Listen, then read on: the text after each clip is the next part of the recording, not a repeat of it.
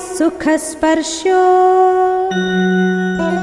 नीरजस्को ववौ तदा स्वामित्रगतं दृष्ट्वा। रामम् राजीवलोचनम्।